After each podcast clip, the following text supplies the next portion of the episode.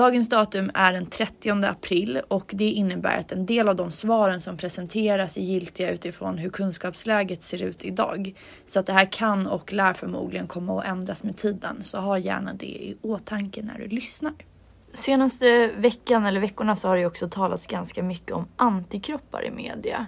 Att man dels kan ta test för om man har covid just nu men också om man har utvecklat antikroppar. Men vad är det för någonting egentligen?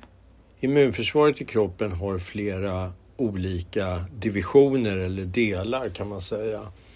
Dels har man ett försvar mot angripare mot smittämnen till exempel i form av barriärer, ungefär som man byggde förr i tiden försvarsborgar. Och en sån barriär är ju hud och slemhinnor i kroppen. Och de försvårar ju för smittämnen att ta sig in i kroppen. Att bara finnas på ytan av kroppen så att säga ger inte en infektion utan det måste invadera också. Så det är en sak och den har vi ju alla mer eller mindre. Men om man till exempel har skadat huden, om man fått ett sår på huden, då är den barriären bruten. Den muren är nerriven på ett område och där ökar också risken för en infektion. Ett annat exempel är om man är allergisk eller förkyld av annan anledning. Då är ju slemhinnorna svullna och uppluckrade i näsan till exempel. Och då är den här muren mindre motståndskraftig. Då blir det luckor i muren så att säga på grund av den här inflammationen eller retningen. Men när man väl kommer in i kroppen så finns det dels ett medfött immunförsvar som är en slags eh, städpatrull som tar sig ut och tar bort sånt som är främmande från kroppen och sånt som är eh, sopor helt enkelt. Och, eh, makrofager är en typ av celler som käkar upp döda andra celler och sånt som skräp som inte ska vara i kroppen. Slutligen har man en del av immunförsvaret som reagerar, som har ett minne. Och immunförsvaret som har ett minne fungerar bland annat genom att bilda en slags ämnen som äggviteämnen som motverkar smittan. Det är ju så att om man har haft en vissa typer av infektioner och sedan blivit frisk så finns det ett minne kvar av den infektionen i vårt immunsystem i form av att vi har antikroppar och en beredskap för att bilda samma sorts antikroppar, fast flera, om vi igen skulle bli utsatta för den smittan. Under förutsättning att smittämnet inte har ändrat sig för mycket. Så att antikroppar mot en bakterie till exempel funkar inte nödvändigtvis mot en annan bakterie. Eller om vi tar virus, samma sak där. Om man har antikroppar mot en typ av virus så kanske man inte blir infekterad en gång till. Eller om man blir infekterad så tar man koll på den infektionen snabbt. Betyder inte att de antikropparna funkar mot ett annat sorts virus. Till råga på allt är det så att om vi tänker oss ett och samma virus, till exempel influensavirus som är en annan sort än covid-19 som är ett coronavirus. De är, det är olika släkter av virus. Eh, då kan man säga så här att influensa har vi ju fått dras med väldigt hundratals år. Och då kan det vara så att viruset från en period till nästa ändrar sig. Det är fortfarande samma virus men det har ändrat sig. Det har bytt förklädnad kan man säga. Antikropparna är, är som en ansiktsigenkänning. De känner igen vissa ansikten De känner igen ditt ansikte men inte mitt ansikte och kanske ditt ansikte är covid-19 ansiktet då. Förlåt. och då angriper den bara det, de celler som har det här ansiktet. Och det ska då vara celler som är infekterade med det här smittämnet, just det här smittämnet. Va? När man gör, när viruset förökar sig, precis som när vilka bakterier och vilka andra celler som helst förökar sig genom att att bilda nya celler, göra kopior av sig själv, så kan de ibland göra stavfel i den här läsningen av den genetiska koden.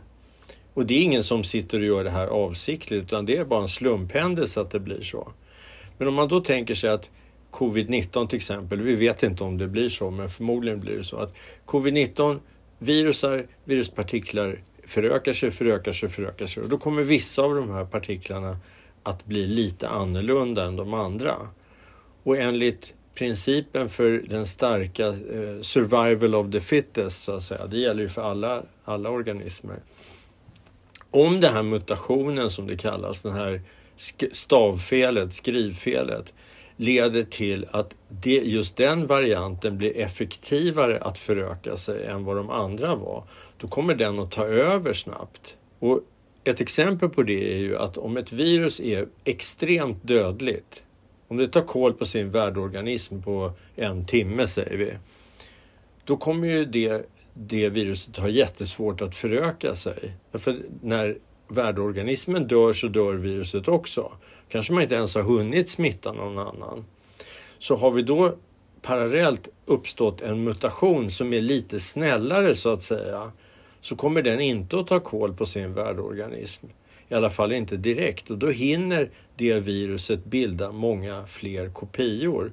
Och så småningom så byter den här infektionen, den här influensaepidemin till exempel, utseende. Då blir det en annan variant på samma virus som kommer tillbaks.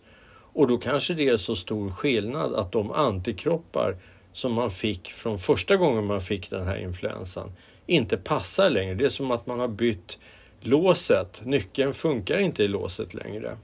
Så hur hänger antikroppar ihop med immunitet? Jo, antikropparna är ju ett sätt att förvärva immunitet. Det vill säga en viss typ av försvar har vi ju som jag har nämnt i en annan fråga. Eh, en viss typ av försvar har vi ju medfött. Alla människor har den som inte är sjuka, som inte är sjuka i sitt immunsystem. Men sen har vi också en anpassning. Immunsystemet när vi föds vet ju inte vilka smittämnen vi kommer att råka ut för.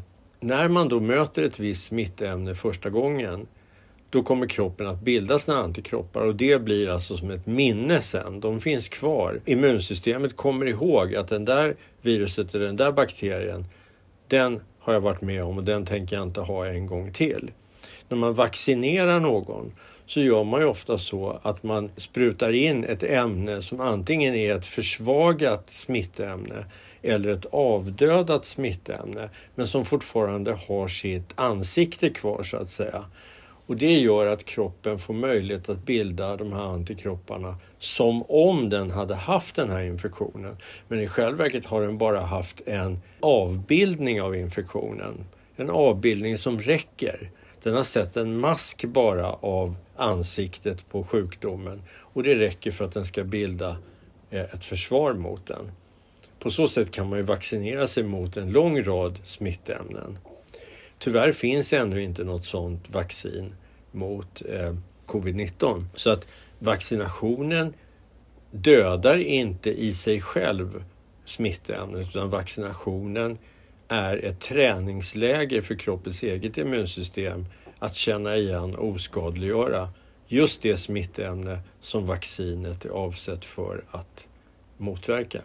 Och det här hänger ihop med immunitet genom att immunitet antingen kan uppkomma genom att man har framgångsrikt haft en infektion och bekämpat den och sen har ett, kroppen ett minne av det. Eller att man har gjort en generalrepetition genom en vaccination som har gett kroppen möjlighet att utveckla samma minne av att hur man bekämpar den här infektionen utan att man har behövt ha infektionen. Att man har immunitet mot ett smittämne betyder ju inte att man inte kan konfronteras, komma att konfronteras med smittämnet.